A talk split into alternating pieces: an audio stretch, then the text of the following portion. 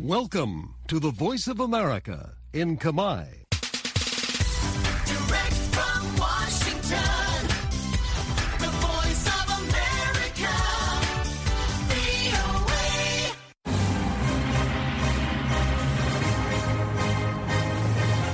សួស្តីប្រិយមិត្តអ្នកស្ដាប់ជាទីមេត្រី នៅក្នុងកម្មវិធីផ្សាយតាមវិទ្យុរបស់ VOA នៅព្រឹកថ្ងៃសុក្រទី19ខែមករាឆ្នាំ2024នេះខ្ញុំជឹងពូជីននិងសហការីនៃក្រុមផ្សាយជាខេមរៈភាសាសូមស្វាគមន៍ប្រិយមិត្តពីរដ្ឋធានី Washington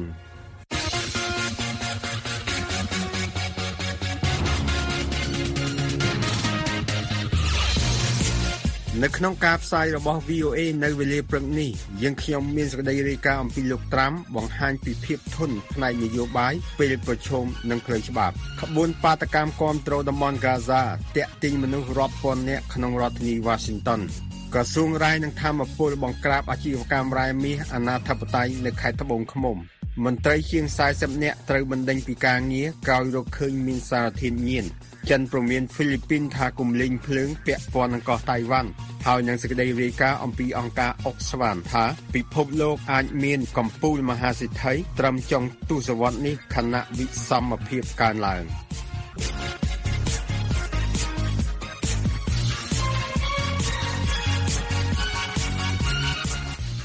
អតីតប្រធានាធិបតីសហរដ្ឋអាមេរិកលោក Donald Trump កំពុងប្រឈមមុខនឹងការចាប់ប្រកាន់ផ្នែកព្រហ្មទណ្ឌនិងការកាត់ក្តីនាពេលខាងមុខនេះក៏ប៉ុន្តែជ័យជំនះរបស់លោកក្នុងការបោះឆ្នោតបឋមនៅរដ្ឋ Iowa កាលពីថ្ងៃទី15ខែមករាកន្លងទៅនេះបានបង្ហាញឲ្យឃើញពីភាពធន់ផ្នែកនយោបាយរបស់លោកក្នុងពេលប្រឈមមុខនឹងផ្លូវច្បាប់លោក Ken Bredemir នៃ VOA រាយការណ៍អំពីរឿងនេះ អ្នកស្រីលីម៉ូរីវ៉ាន់ជួនក្តីប្រែសម្រួលដូចតទៅលោកអតីតប្រធានាធិបតី Donald Trump កំពុងប្រឈមនឹងការចោទប្រកាន់ផ្នែកព្រហ្មទណ្ឌនិងការកាត់ក្តីនាពេលខាងមុខនេះលោកមិនបានចូលរួមនៅក្នុងការជជែកដេញដោលចំនួន5លើកជាមួយគូប្រជែងដែលឈរឈ្មោះជាបេក្ខជនប្រធានាធិបតីខាងគណៈបកសាធារណរដ្ឋសម្រាប់ការបោះឆ្នោតនៅឆ្នាំ2024នេះទេហើយលោកបន្តអះអាងដោយមិនពិតថាលោកត្រូវបានគេបន្លំស្លឹកឆ្នោត នៅក្នុងការបោះឆ្នោតសម្រាប់អាណត្តិទី2នៅក្នុងឆ្នាំ2020ដែលលោកបានចាញ់លោកប្រធានាធិបតី Joe Biden ក៏ប៉ុន្តែការបោះឆ្នោតជាតិលើកដំបូងក្នុងឆ្នាំ2024នេះសម្រាប់ការតែងតាំងបេក្ខជនប្រធានាធិបតីខាងគណៈបកសាធារណរដ្ឋនៅក្នុងការបោះឆ្នោតបឋមនៅរដ្ឋ Iowa បានបង្ហាញថាលោកក៏មានទំនាក់ទំនងយ៉ាងរឹងមាំជាមួយអ្នកគាំទ្ររបស់លោកផងដែរ ដោយលោកទទួលបានជ័យជំនះនៅក្នុងស្រុកចំនួន98ក្នុងចំណោមស្រុកចំនួន99នៅក្នុងរដ្ឋ Iowa ដែលជារដ្ឋសម្បូរកសិកម្មនៅភាគកណ្ដាលប្រទេសនេះលោកត្រាំបានឈ្នះការបោះឆ្នោតជាងពាក់កណ្ដាលកាលពីយប់ថ្ងៃច័ន្ទគឺលើសពីរដងនៃសម្លេងឆ្នោតគូប្រជែងទាំងពីរបន្ទាប់ពីលោកអភិបាលរដ្ឋ Florida លោក Ron DeSantis បានទទួលចំណាត់ថ្នាក់លេខ2ដោយឈ្នះអតីតឯកអគ្គរដ្ឋទូតសហរដ្ឋអាមេរិកប្រចាំអង្គការសហប្រជាជាតិ និងជាអតីតអភិបាលរដ្ឋ South Carolina គឺអ្នកស្រី Nikki Haley ដែលបានទទួលចំណាត់ថ្នាក់លេខ3ចំណែកឯចំណាត់ថ្នាក់លេខ4គឺបានទៅសហគ្រិនផ្នែកបច្ចេកវិទ្យាគឺលោក Vivek Ramaswamy ដែលបានដកខ្លួនចេញពីការប្រកួតប្រជែងហើយបានគ្រប់គ្រងលោក Trump ការគ្រប់គ្រងរបស់អ្នកបោះឆ្នោតដល់លោក Trump នៅក្នុងរដ្ឋដែលពលរដ្ឋភាគច្រើនជាអ្នកគ្រប់គ្រងគណៈបកសាធារណរដ្ឋនេះត្រូវបានបង្ហាញយ៉ាងច្បាស់ ហើយបណ្ដាញព័ត៌មាននិងបណ្ដាញទូរទស្សន៍បានប្រកាសយ៉ាងឆាប់រហ័សថាលោក Trump ជាអ្នកឈ្នះនៅក្នុងការបោះឆ្នោតបឋមនៅរដ្ឋ Iowa ការផ្សាយនោះបានធ្វើឡើងមុនពេលអ្នកបោះឆ្នោតបានទៅបោះឆ្នោតនៅមណ្ឌលបោះឆ្នោតទាំងអស់ចំនួនជាង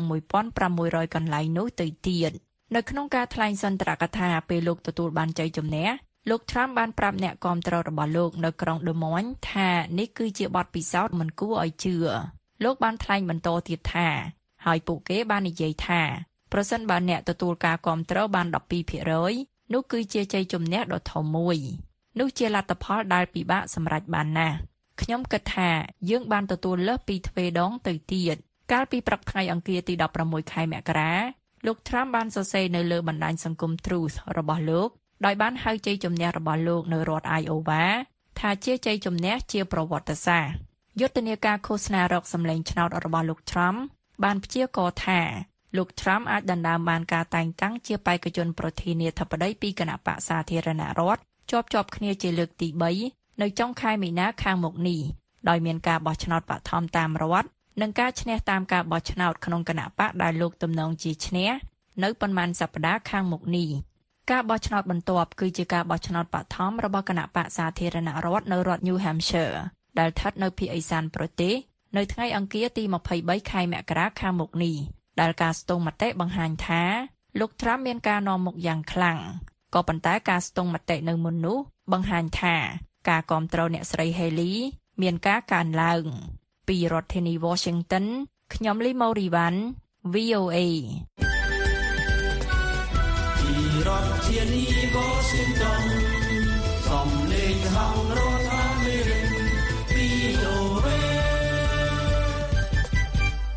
បាតកោរាប់ពាន់នាក់បានប្រមូលផ្ដុំគ្នានៅរដ្ឋធានី Washington ហើយក្បួនដើម្បីហ្គាហ្សាពេលសង្គ្រាមរវាងអ៊ីស្រាអែលនិងក្រុមហាម៉ាស់បានឈានដល់គម្រប់100ថ្ងៃការហាយក្បួននេះគឺជាផ្នែកមួយនៃទិវាតវ៉ាទូទាំងសកលលោកដើម្បីទាមទារឲ្យមានបទឈប់បាញ់មួយនៅតំបន់ហ្គាហ្សាលោកសាគីបអ៊ុលអ៊ីស្លាមនៃ VOA រាយការណ៍អំពីរឿងនេះពីរដ្ឋធានី Washington លោកសៃមនីជួនសេចក្តីប្រែសម្រួលដូចតទៅ We demand បាតកោរាប់ម៉ឺននាក់មកពីទូទាំងអាមេរិកបានប្រមូលផ្ដុំគ្នាក្នុងរដ្ឋធានី Washington ដើម្បីចូលរួមក្នុងក្បួនដង្ហែដើម្បីហ្គាហ្សានៅថ្ងៃទី13ខែមករាទាមទារឲ្យមានបទឈប់បាញ់មួយនៅហ្គាហ្សានិងការផ្អាកជំនួយរបស់អាមេរិកដល់អ៊ីស្រាអែលបាតកោម្នាក់ឈ្មោះរ៉ាម៉ាដនមកពីទីក្រុង Houston ថ្លែងថា They should immediately uh, cease all funding to Israel. អាមេរិកគួរតែឈប់ផ្ដល់ថវិកាទាំងអស់ដល់អ៊ីស្រាអែលជាបន្ទាន់អាមេរិកគួរតែឈប់ផ្ដល់ជំនួយទាំងអស់ដល់អ៊ីស្រាអែល ហើយគួរតែទាមទារឲ្យឈប់បាញ់គ្នាថ្ងៃនេះពលរដ្ឋអាមេរិកកាំងដើមកំណត់ប៉ាឡេស្ទីនជាច្រើនអ្នករៀបរាប់ទាំងក្តុកក្តួល I have family in the West Bank and I've lost នៅហេតុការណ៍នៃការស្លាប់ឬរបួសមិត្តភ័ក្តិនិងសាច់ញាតិនៅកាហ្សាអ្នកនាង Farah Mahmood ថានាងបានបាត់បង់សមាជិកគ្រួសារអស់3នាក់ក្នុងអំពើហិង្សាដែលកំពុងតែបន្តនៅឡើយ I think a lot of people have become more aware of what's happening because of the protests. ខ្ញុំគិតថាមនុស្សជាច្រើនកាន់តែដឹងអំពីអ្វីដែលកំពុងកើតឡើងដោយសារបាតកម្មនានាព្រោះយើងកំពុងប្រើសម្លេងរបស់យើងធ្វើឲ្យមានការយល់ដឹងសម្លេងយើងជារបស់ដ៏មានឥទ្ធិពលបំផុតដែលយើងមានរួមជាមួយពលរដ្ឋអាមេរិកកាំងដើមកំណត់អារ៉ាប់ជនជាតិ Swift អ្នកកាន់សាសនាគ្រឹស្តនិងអង្គការសាសនាផ្សេងៗជាច្រើនទៀតបានចូលរួមក្នុងការប្រមូលផ្ដុំគ្នានេះដែលជាផ្នែកមួយនៃទិវាហែកក្បួនសកលលោកគាំទ្រប៉ាឡេស្ទីនក្នុងទីក្រុងធំៗជាច្រើន Over 800 of us have signed a letter to the president ហេតុការណ៍នេះមានការថ្លែងសារពីសំណាក់មេដឹកនាំនយោបាយមន្ត្រីសេតវិមាននិងសភានិងមេដឹកនាំសាសនាជាច្រើនអ្នកស្រី Jill Stein បេក្ខជនប្រធានាធិបតីអាមេរិកមកពីគណៈបក Green ថ្លែងថា We say ceasefire now. យើងនិយាយថាឈប់បាញ់ឥឡូវនេះទៅឈប់បាញ់ឥឡូវនេះទៅលោក Andre Carson សមាជិករដ្ឋសភាអាមេរិកកាំងកាន់សាសនាអ៊ីស្លាមថ្លែងថា Let us use that same force to leverage our voting bloc. ចូលយើងប្រើកម្លាំងដដែលនេះដើម្បីធ្វើឲ្យមានទម្ងន់ក្នុងការបោះឆ្នោតឆ្នាំ2024និងបោះឆ្នោតឲ្យអ្នកដែលតំណាងឲ្យយើងឡើងវិញនិងបោះឆ្នោតទម្លាក់អ្នកដែលមិនតំណាងយើងឈប់បាញ់ឥឡូវនេះបាតកោនៅទីនេះថាពួកគេទាមទារឲ្យមានបទឈប់បាញ់គ្នាជាបន្ទាន់និងជាអចិន្ត្រៃយ៍នៅកាហ្សា ហើយពលរដ្ឋអាមេរិកកាំងជាច្រើននៅទីនេះថាអ្វីដែលកើតឡើងនៅកាហ្សានឹងមានឥទ្ធិពលដល់ការសម្រេចចិត្តបោះឆ្នោតជ្រើសរើសប្រធានាធិបតីអាមេរិកបន្ទាប់អ្នកនាង Norin បាតកោមកពីស្រុក Fairfax រដ្ឋ Virginia ថ្លែងថា I'm not voting for Biden or Trump. ខ្ញុំមិនបោះឲ្យលោក Biden ឬលោក Trump ទេខ្ញុំនឹងបោះឲ្យនរណាម្នាក់ក្នុងបកទី3អ្នកស្រី Caroline បាតកោមកពីរដ្ឋ New Jersey ថ្លែងថា I will never. ខ្ញុំនឹងមិនបោះឲ្យបកប្រជាធិបតេយ្យឬបកសាធារណរដ្ឋទេមិនបោះឲ្យតែម្ដងនៅចុងបញ្ចប់នៃការប្រមូលផ្ដុំគ្នានេះបាតកោបានដើរហែកក្បួនឆ្ពោះទៅសេតវិមានទោះបីជាប្រធានាធិបតីលោក Joe Biden ស្ថិតនៅកន្លែងលំហែកាយ Camp David ក៏ដោយលោកនីហាត Award នៃក្រុមប្រឹក្សាទំនាក់ទំនងអាមេរិកអ៊ីស្លាមថ្លែងថា The main purpose of this rally today, which is គោល historic, បំណងចម្បងនៃការប្រមូលផ្ដុំគ្នាថ្ងៃនេះ ដែលមានទំហំនិងវិសាលភាពធំជាប្រវត្តិសាស្ត្រដែលយើងជឿថាជាបាតកម្មនឹងការប្រមូលផ្ដុំគាំទ្រប៉ាឡេស្ទីនដ៏ធំជាងគេក្នុងប្រវត្តិសាស្ត្រសហរដ្ឋអាមេរិកគឺដើម្បីសម្ដែងសាមគ្គីភាពជាមួយប្រជាជននៅហ្គាហ្សា និងប្រជាជនប៉ាឡេស្ទីនសង្គ្រាមអ៊ីស្រាអែលនិងហាម៉ាស់ដែលបានចាប់ផ្ដើមនៅថ្ងៃទី7ខែតុលាក្រោយពីក្រុមយុទ្ធជនហាម៉ាស់បានវាយប្រហារគួរឲ្យរន្ធត់លើអ៊ីស្រាអែលដោយសម្លាប់មនុស្សអស់1200នាក់និងចាប់មនុស្សប្រមាណ240នាក់ធ្វើចំណាប់ខ្មាំង ការឆ្លើយតបរបស់យោធាអ៊ីស្រាអែលទៅនឹងអំពើឃោឃៅនោះបានសម្លាប់ជនជាតិប៉ាឡេស្ទីនអស់ជាង24000នាក់នាយករដ្ឋមន្ត្រីអ៊ីស្រាអែលលោក Benjamin Netanyahu បដិញ្ញាថានឹងបន្តសង្គ្រាមរបស់អ៊ីស្រាអែលប្រឆាំងនឹងក្រុម Hamas ដែលសហរដ្ឋអាមេរិកចាត់ទុកថាជាក្រុមភេរវកម្មរហូតទាល់តែក្រុមនេះចុះចាញ់ពីរដ្ឋធានី Washington ខ្ញុំសាយមុនី VOA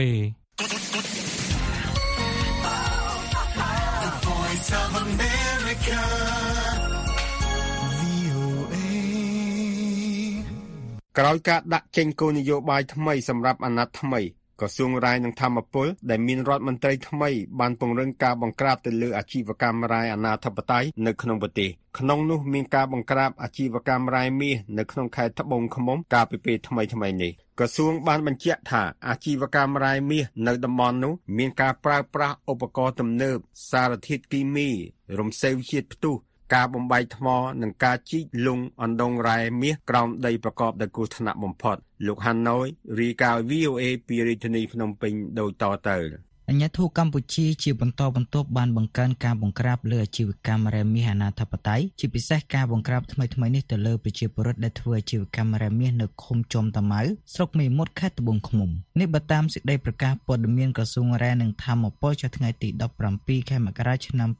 2024បើតាមសេចក្តីប្រកាសព័ត៌មានអាជ្ញាធរបានចុះបង្ក្រាបទ្រង់ទ្រាយធំលើទីតាំងអាជីវកម្មរ៉ែមាសអាណាធិបតេយ្យនៅភូមិសំពើលួនឃុំជាំតាម៉ៅស្រុកមេមត់ខេត្តត្បូងឃ្មុំកាលពីថ្ងៃទី10ខែមករាគិតត្រឹមថ្ងៃទី16ខែមករាអាជ្ញាធរបានរកឃើញទីតាំងអាជីវកម្មរ៉ែមាសខុសច្បាប់លួចលាក់ចំនួន3បន្ថែមទៀតនៅក្នុងស្រុកមេមត់ខេត្តត្បូងឃ្មុំបើតាមក្រសួងរ៉ែនិងធម្មពលក្រសួងបានអប់រំដល់ម្ចាស់ទីតាំងរ៉ែមាសអាណាធិបតេយ្យទាំងនោះអំពីនីតិវិធីច្បាប់ផលប៉ះពាល់ធ្ងន់ធ្ងរលើសវត្ថិភាពភាពសុខភាពនិងបរិស្ថាននៅអំឡុងពេលក្រសួងចុះពិនិត្យនិងទប់ស្កាត់ក្រសួងបញ្ជាក់ថាប្រជាពលរដ្ឋទាំងនោះក៏បានស្ម័គ្រចិត្តរុះរើនិងធ្វើកិច្ចសន្យាបញ្ឈប់សកម្មភាពអាជីវកម្មរ៉ែមាសខុសច្បាប់របស់ខ្លួនផងដែរក្រសួងបញ្ជាក់ថាជាថ្មីម្ដងទៀតក្រសួងរ៉ែនិងធម្មពលនឹងបន្តប្រញ្ញាបញ្ចប់នៅរាល់សកម្មភាពរ៉ែអនាធិបតេយ្យនិងជំរុញឲ្យមានការធ្វើអាជីវកម្មរ៉ែស្របច្បាប់ដែលនាំមកនូវផលប្រយោជន៍ជាតិជាច្រើនមានជាអាចការបង្កើតឲ្យមានឱកាសការងារនៅនឹងកន្លែងនិងប្រយោលការចូលរួមចំណែកដល់ការបង្កើតប្រភពចំណូលថវិកាជាតិបន្ថែម និងការបំបត្តិនៅផលប៉ះពាល់ធ្ងន់ធ្ងរដល់បរិស្ថាននិងសង្គមព្រមទាំងចូលរួមចំណែកអភិវឌ្ឍសហគមន៍មូលដ្ឋានតាមរយៈការធ្វើអាជីវកម្មរ៉ែប្រកបដោយចីរភាពដោយមានការគ្រប់គ្រងនិងការការពារពីច្បាប់នៅក្នុងពិធីធ្វើបទបង្ហាញស្ដីពីគោលនយោបាយរ៉ែនិងធម្មពលកាលពីថ្ងៃទី21ខែវិច្ឆិកាឆ្នាំ2023លោកកែវរតនារដ្ឋមន្ត្រីក្រសួងរ៉ែនិងធម្មពលដែលឡើងកាន់តំណែងបានជិត5ខែមកហើយលើកឡើងថាក្រសួងនឹងចាត់វិធានការទៅលើអាជីវកម្មរ៉ែមាសអនាធិបតេយ្យនានាដែលលោកថាអាជីវកម្មរ៉ែមាសអនាធិបតេយ្យនាំឲ្យបាត់ចំណូលជាតិ ឱកាសសម្រាប់ក្រុមហ៊ុនវិនិយោគធំធំបំផ្លាញបរិស្ថាន ជាពិសេសដើម្បីការពារកម្លាំងពលកម្មរឿងទី3ការការពារពលកម្មបើសិនជាគាត់មិននៅក្រោមសំណាញ់ច្បាប់ច្បាប់ក៏អត់ការការពារបានអញ្ចឹងបើមានពលកម្មកុមារបើមានការធ្វើអាជីវកម្មលើពលកម្មគ្រប់ប្រភេទយើងអត់ដឹងតការពារបងប្អូនកម្មករយ៉ាងម៉េចទេដោយសារគាត់លាក់បាំងគាត់គាត់ធ្វើខុសច្បាប់ក្នុងគោលដៅទាំងអស់នេះហើយដែលក្រសួងរាយធម្មពលនឹងបន្តចាត់ការទប់ស្កាត់នៅអាណាធិបតេយ្យរាយបើតាមរដ្ឋមន្ត្រីរូបនេះប្រជាពលរដ្ឋអាចធ្វើអាជីវកម្មរ៉ែជាសហគមន៍បានដើម្បីចិញ្ចឹមជីវិតប៉ុន្តែលោកក៏ប្រមានទៅអ្នកនៅពីក្រោយខ្នងនៃអាជីវកម្មរ៉ែអនាធិបតេយ្យនិងសហគមន៍ផងដែរដែលលោកថាវាជាការកេងប្រវ័ញ្ចកម្លាំងប្រជាពលរដ្ឋ VOA មិនទាន់អាចសុំការអធិប្បាយពីលោកអឹងឌីប៉ូឡាអគ្គនាយកនៃអគ្គនាយកដ្ឋានទុនធានរ៉ែនិងជាអ្នកនាំពាក្យក្រសួងរ៉ែនិងធម្មពលបាននៅឡើយទេលោកជុំហ៊ុនមេឃុំចំតាម៉ៅស្រុកមេមត់ខេត្តត្បូងឃ្មុំប្រាប់ VOA នៅថ្ងៃប្រហ័សថាក្រោយអាជ្ញាធរចុះទៅពិនិត្យនៅទីតាំងធ្វើជាកម្មរ៉ែមាសប្រជាពលរដ្ឋទាំងនោះក៏នាំគ្នារុះរើទីតាំងធ្វើអាជីវកម្មរ៉ែហើយអាជ្ញាធរក៏បានអប់រំប្រជាពលរដ្ឋទាំងនោះអូគេអប់រំណែនាំគាត់ អប់រំណែនាំគាត់ឲ្យគាត់រើសម្ភារៈរបស់គាត់នឹងចេញពីតំបន់នោះបើតាមសេចក្តីប្រកាសព័ត៌មានរបស់ក្រសួងរ៉ែនិងធម្មពលចុះថ្ងៃទី10ខែមករាឆ្នាំ2024សកម្មភាពអាជីវកម្មរ៉ែមាសនៅក្នុងស្រុកមីមុតមានការប្រើប្រាស់ឧបករណ៍ទំនើបសារធាតុគីមីរំសេវជាតិផ្ទុះបំបែកថ្មនិងជីកលុងអណ្ដូងរ៉ែមាសក្រោមដីប្រកបដោយគ្រោះថ្នាក់បំផុតប្រធានប្រតិបត្តិសមាគមបណ្ដាញយុវជនកម្ពុជាលោកហេងកំហុងប្រាប់ VOA ថាលោកសាទរចំពោះចំណាត់ការរបស់រដ្ឋរដ្ឋាភិបាលហើយទន្ទឹមនឹងនោះលោកក៏ជំរុញឲ្យមានការបង្ក្រាបក៏ដូចជាទប់ស្កាត់ឲ្យបានទៀងទាត់ជាពិសេសរកអ្នកនៅពីក្រោយនៃការធ្វើអាជីវកម្មរ៉ែទាំងនោះអញ្ចឹងការស្រាវជ្រាវប្រភពនិងការស្វែងរកប្រភពពាក់ព័ន្ធជាមួយអំពើពុករលួយនិងការធ្វើអាជីវកម្មរ៉ែនេះគឺជាសំខាន់មែនទែនទន្ទឹមជាមួយនឹងគ្នានឹងដែរយើងក៏មានការព្រួយបារម្ភដែរបើសិនជាអត់មានការអនុវត្តទាន់ពេលវេលាឬក៏អនុវត្តមួយឆាវមួយឆាវអត់មាន តាមគោលការណ៍ច្បាប់តាមអីខ្ញុំគិតថាវាជារឿងមួយដែលយើងបារម្ភបារម្ភពីនិរន្តរភាពបារម្ភពីជេរភាពនៃធនធានរ៉ែរបស់ប្រទេសកម្ពុជាបើតាមប្រធានសមាគមរូបនេះអាជីវកម្មរ៉ែទាំងនោះបង្កគ្រោះថ្នាក់ដល់អ្នកធ្វើអាជីវកម្មដោយសារតែការបាក់ដីនិងខូចខាតដល់ប្រព័ន្ធអេកូឡូស៊ីផងដែររីកាពីរាជធានីភ្នំពេញខ្ញុំហាណូយ VOA Voice of America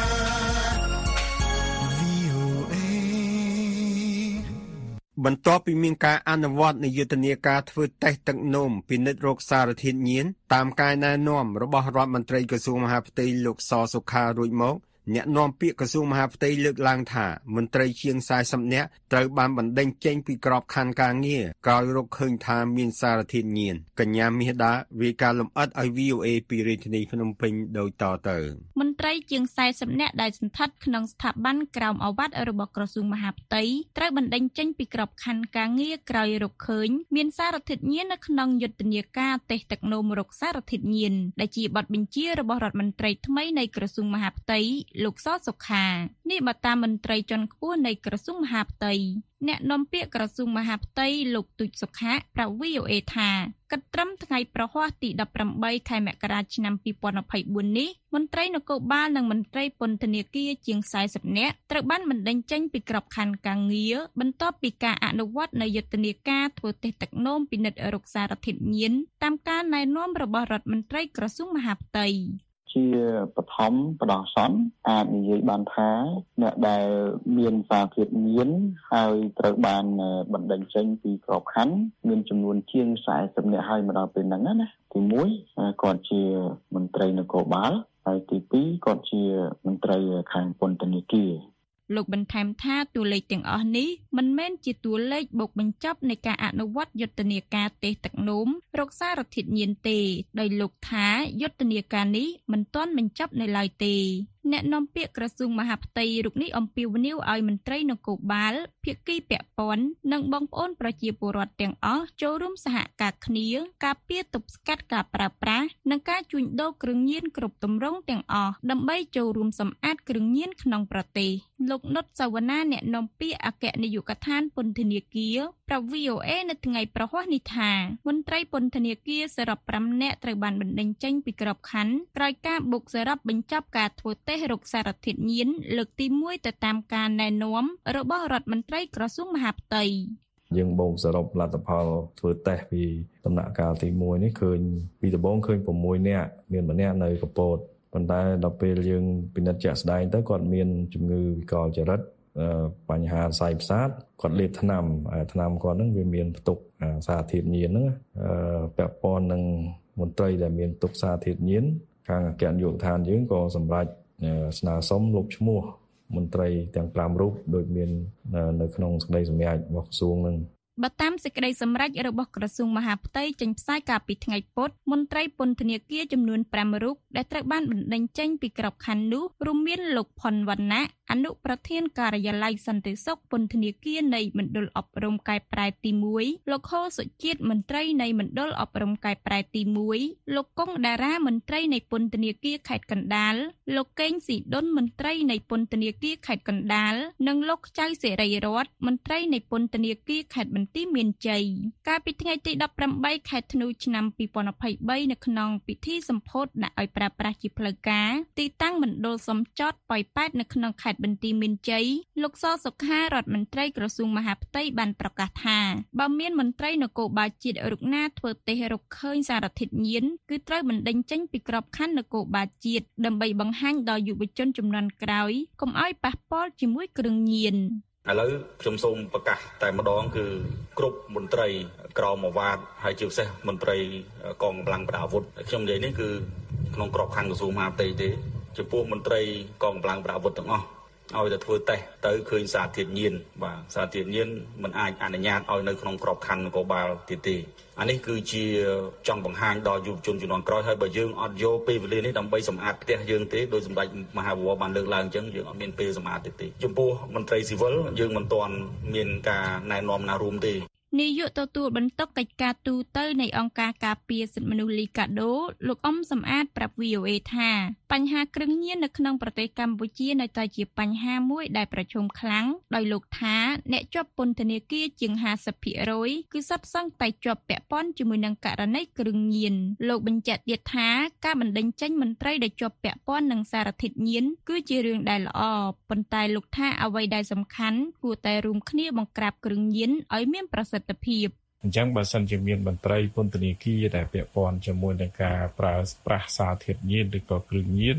អាហ្នឹងក៏យើងមានបារម្ភដែរថាវាអាចនឹងមានលំហូរចូលទៅក្នុងពន្ធនាគារដែលអាចនាំឲ្យអ្នកជាប់ឃុំនឹងអាចមានការប្រើប្រាស់ទៅទៀតណាអញ្ចឹងមន្ត្រីពន្ធនាគារត្រូវតែនៅឲ្យឆ្ងាយអំពីបញ្ហា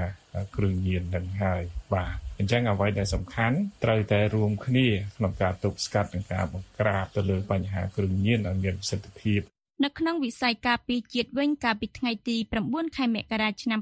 2024ទាហាន2នាក់គឺលោកត្រីដារ៉ាមេបញ្ជាការរងកងកំភ្លើងការពារអាកាសមូលដ្ឋានសមុទ្រកងទ័ពជើងទឹកនិងលោករ៉េនស៊ីណាតមេបញ្ជាការរងមូលដ្ឋានកងរាជអាវុធហត្ថខណ្ឌជ្រោយចង្វាបញ្ជាការដ្ឋានកងរាជអាវុធហត្ថរាជធានីភ្នំពេញត្រូវបានក្រសួងការពារជាតិសម្រេចលុបឈ្មោះចេញពីក្របខ័ណ្ឌនៃកងយុទ្ធពលខេមរៈភូមិន្ទដោយសារតែពួកគេជាប់ពាក់ព័ន្ធនឹងការប្រើប្រាស់គ្រឿងញៀននេះបើតាមសេចក្តីប្រកាសរបស់ក្រសួងការពារជាតិកាលពីកន្លងទៅ VOA ពុំទាន់អាចសុំការអត្ថាធិប្បាយពីអ្នកនាំពាក្យក្រសួងការពារជាតិលោកឈុំសុជាតិបាននៅឡើយទេគូបញ្ជាក់ថាមុនការចាក់ចេញពីអំណាចអតីតនាយករដ្ឋមន្ត្រីហ៊ុនសែនបានជំរុញឲ្យរដ្ឋាភិបាលអាណត្តិទី7ដែលដឹកនាំដោយលោកហ៊ុនម៉ាណែតកូនប្រុសរបស់លោកផ្ដោតយកចិត្តទុកដាក់លើការបង្ក្រាបបទល្មើសពាក់ព័ន្ធនឹងគ្រឿងញៀនដើម្បីឆ្លុះបញ្ចាំងពីសមត្ថភាពរបស់រដ្ឋាភិបាលអាណត្តិថ្មីរាយការណ៍ពីរាជធានីភ្នំពេញនាងខ្ញុំមាសដា VOA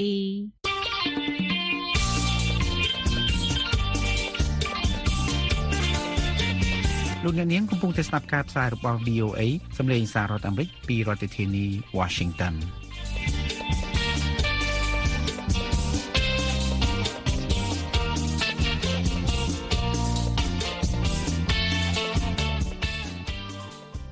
កាលពីថ្ងៃអង្គារទី16ខែមករាកន្លងទៅនេះក្រសួងការបរទេសចិនបានកោះហៅឯកអគ្គរដ្ឋទូតហ្វីលីពីនប្រឆាំងនឹងសាររបស់ប្រធានាធិបតីហ្វីលីពីនលោក Ferdinand Marcos Jr. ដែលសរសេរសារនៅលើបណ្ដាញសង្គម X អបអរសាទរជាជំនះរបស់បេក្ខជនប្រធានាធិបតីកោះតៃវ៉ាន់ដែលគាំទ្រឯករាជ្យភាពរបស់តៃវ៉ាន់នៅក្នុងការបោះឆ្នោតនៅកោះនោះកាលពីថ្ងៃសៅរ៍ទី13ខែមករាក្រុមផ្សាយជាភាសាអង់គ្លេសរបស់ VOA រាយការណ៍អំពីរឿងនេះ អ្នកស្រីលីម៉ូរីវ៉ាន់ជួនក្តីប្រែសម្រួលដូចតទៅប្រទេសចិនបានកោះហៅឯកអគ្គរដ្ឋទូតហ្វីលីពីនកាលពីថ្ងៃអង្គារទី16ខែមករាដើម្បីតវ៉ាជាផ្លូវការនៅសាររបស់លោកប្រធានាធិបតី Ferdinand Marcos Jr. អបអរសាទរប្រធានាធិបតីដែលទើបតែជាប់ឆ្នោតថ្មីរបស់កោះតៃវ៉ាន់នៅក្នុងការបង្ហោះសារនៅលើបណ្ដាញសង្គម X ដែលពីមុនត្រូវបានគេហៅថា Twitter នោះលោកប្រធានាធិបតី Marcos បានអបអរសាទរលោកឡៃឈឹងតេ បេក្ខជននៃគណៈបកប្រជាធិបតេយ្យចម្រើននិយម DPP ដែលកំពុងកាន់អំណាចរបស់តៃវ៉ាន់ដែលបានទទួលជ័យជំនះនៅក្នុងការបោះឆ្នោតកាលពីថ្ងៃសៅរ៍ទី13ខែមករាហើយបាននិយាយថាលោកទន្ទឹងរង់ចាំធ្វើកិច្ចសហការយ៉ាងជិតស្និទ្ធជាមួយលោកឡៃឈឹងតេ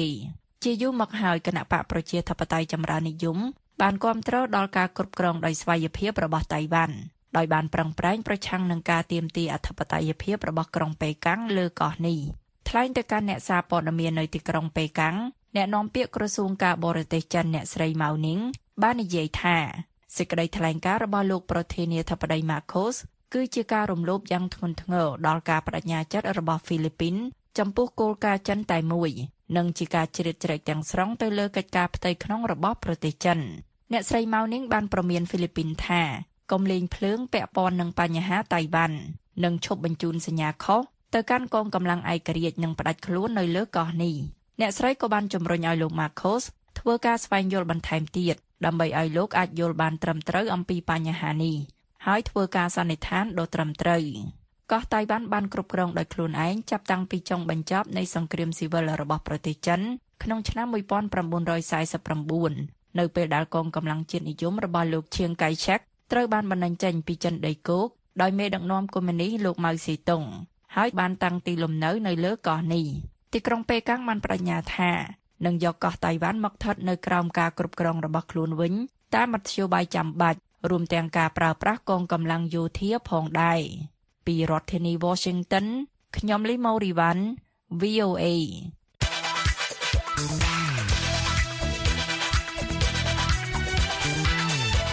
លោកអ្នកកំពុងស្ដាប់ VOA សំឡេងសាររដ្ឋអាមេរិកខ្មែរ .voanews.com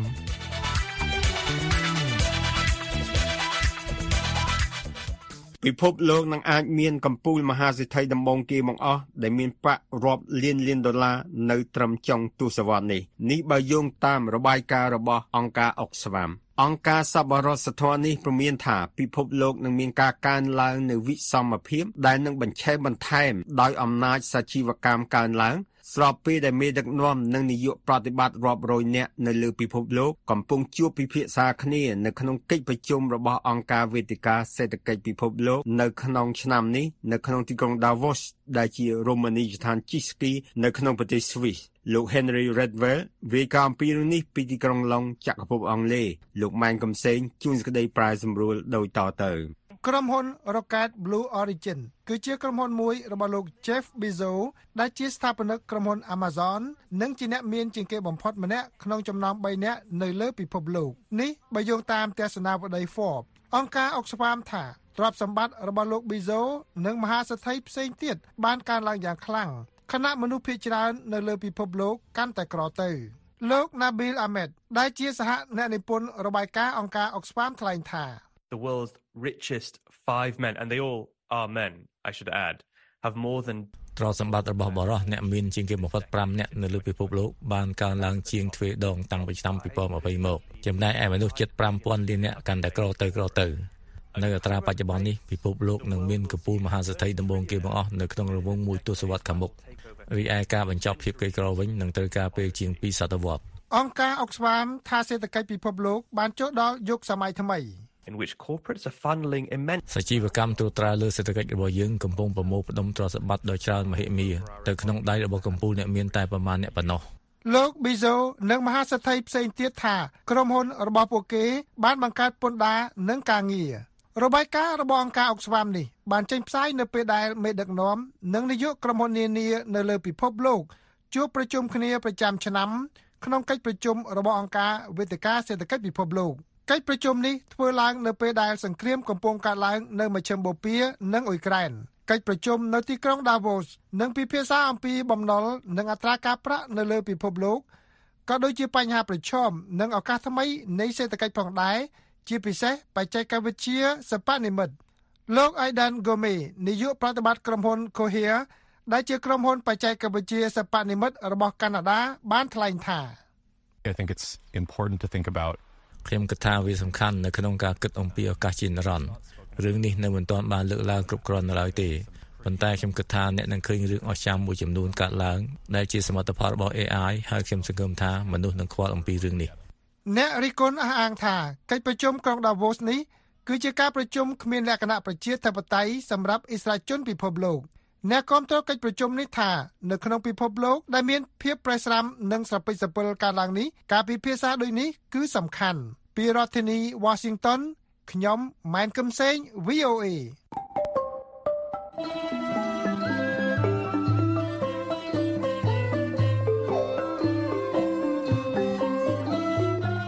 កម្មវិធីផ្សាយរបស់ VOA នៅព្រឹកនេះចាប់តែត្រឹមនេះ សូមអរលោកអ្នករងចាំស្ដាប់សេចក្តីរាយការណ៍ព័ត៌មានជាតិនិងអន្តរជាតិរបស់ VOA នៅក្នុងការផ្សាយបន្តផ្ទាល់របស់យើងខ្ញុំនៅរាត្រីនេះទៀតពីម៉ោង8:30នាទីដល់ម៉ោង9:30នាទី តាមរលកវិទ្យុ 25m ត្រូវនឹងកម្រិត11695និង1575 kHz ឬតាមប្រព័ន្ធអ៊ីនធឺណិតដែលមានអាសយដ្ឋានខ្មែរ .voenews.com សូមអរលោកអ្នកបានប្រកបដោយសេចក្តីសុខនិងសុភមង្គលគ្រប់ប្រការអារុនសុស្ដី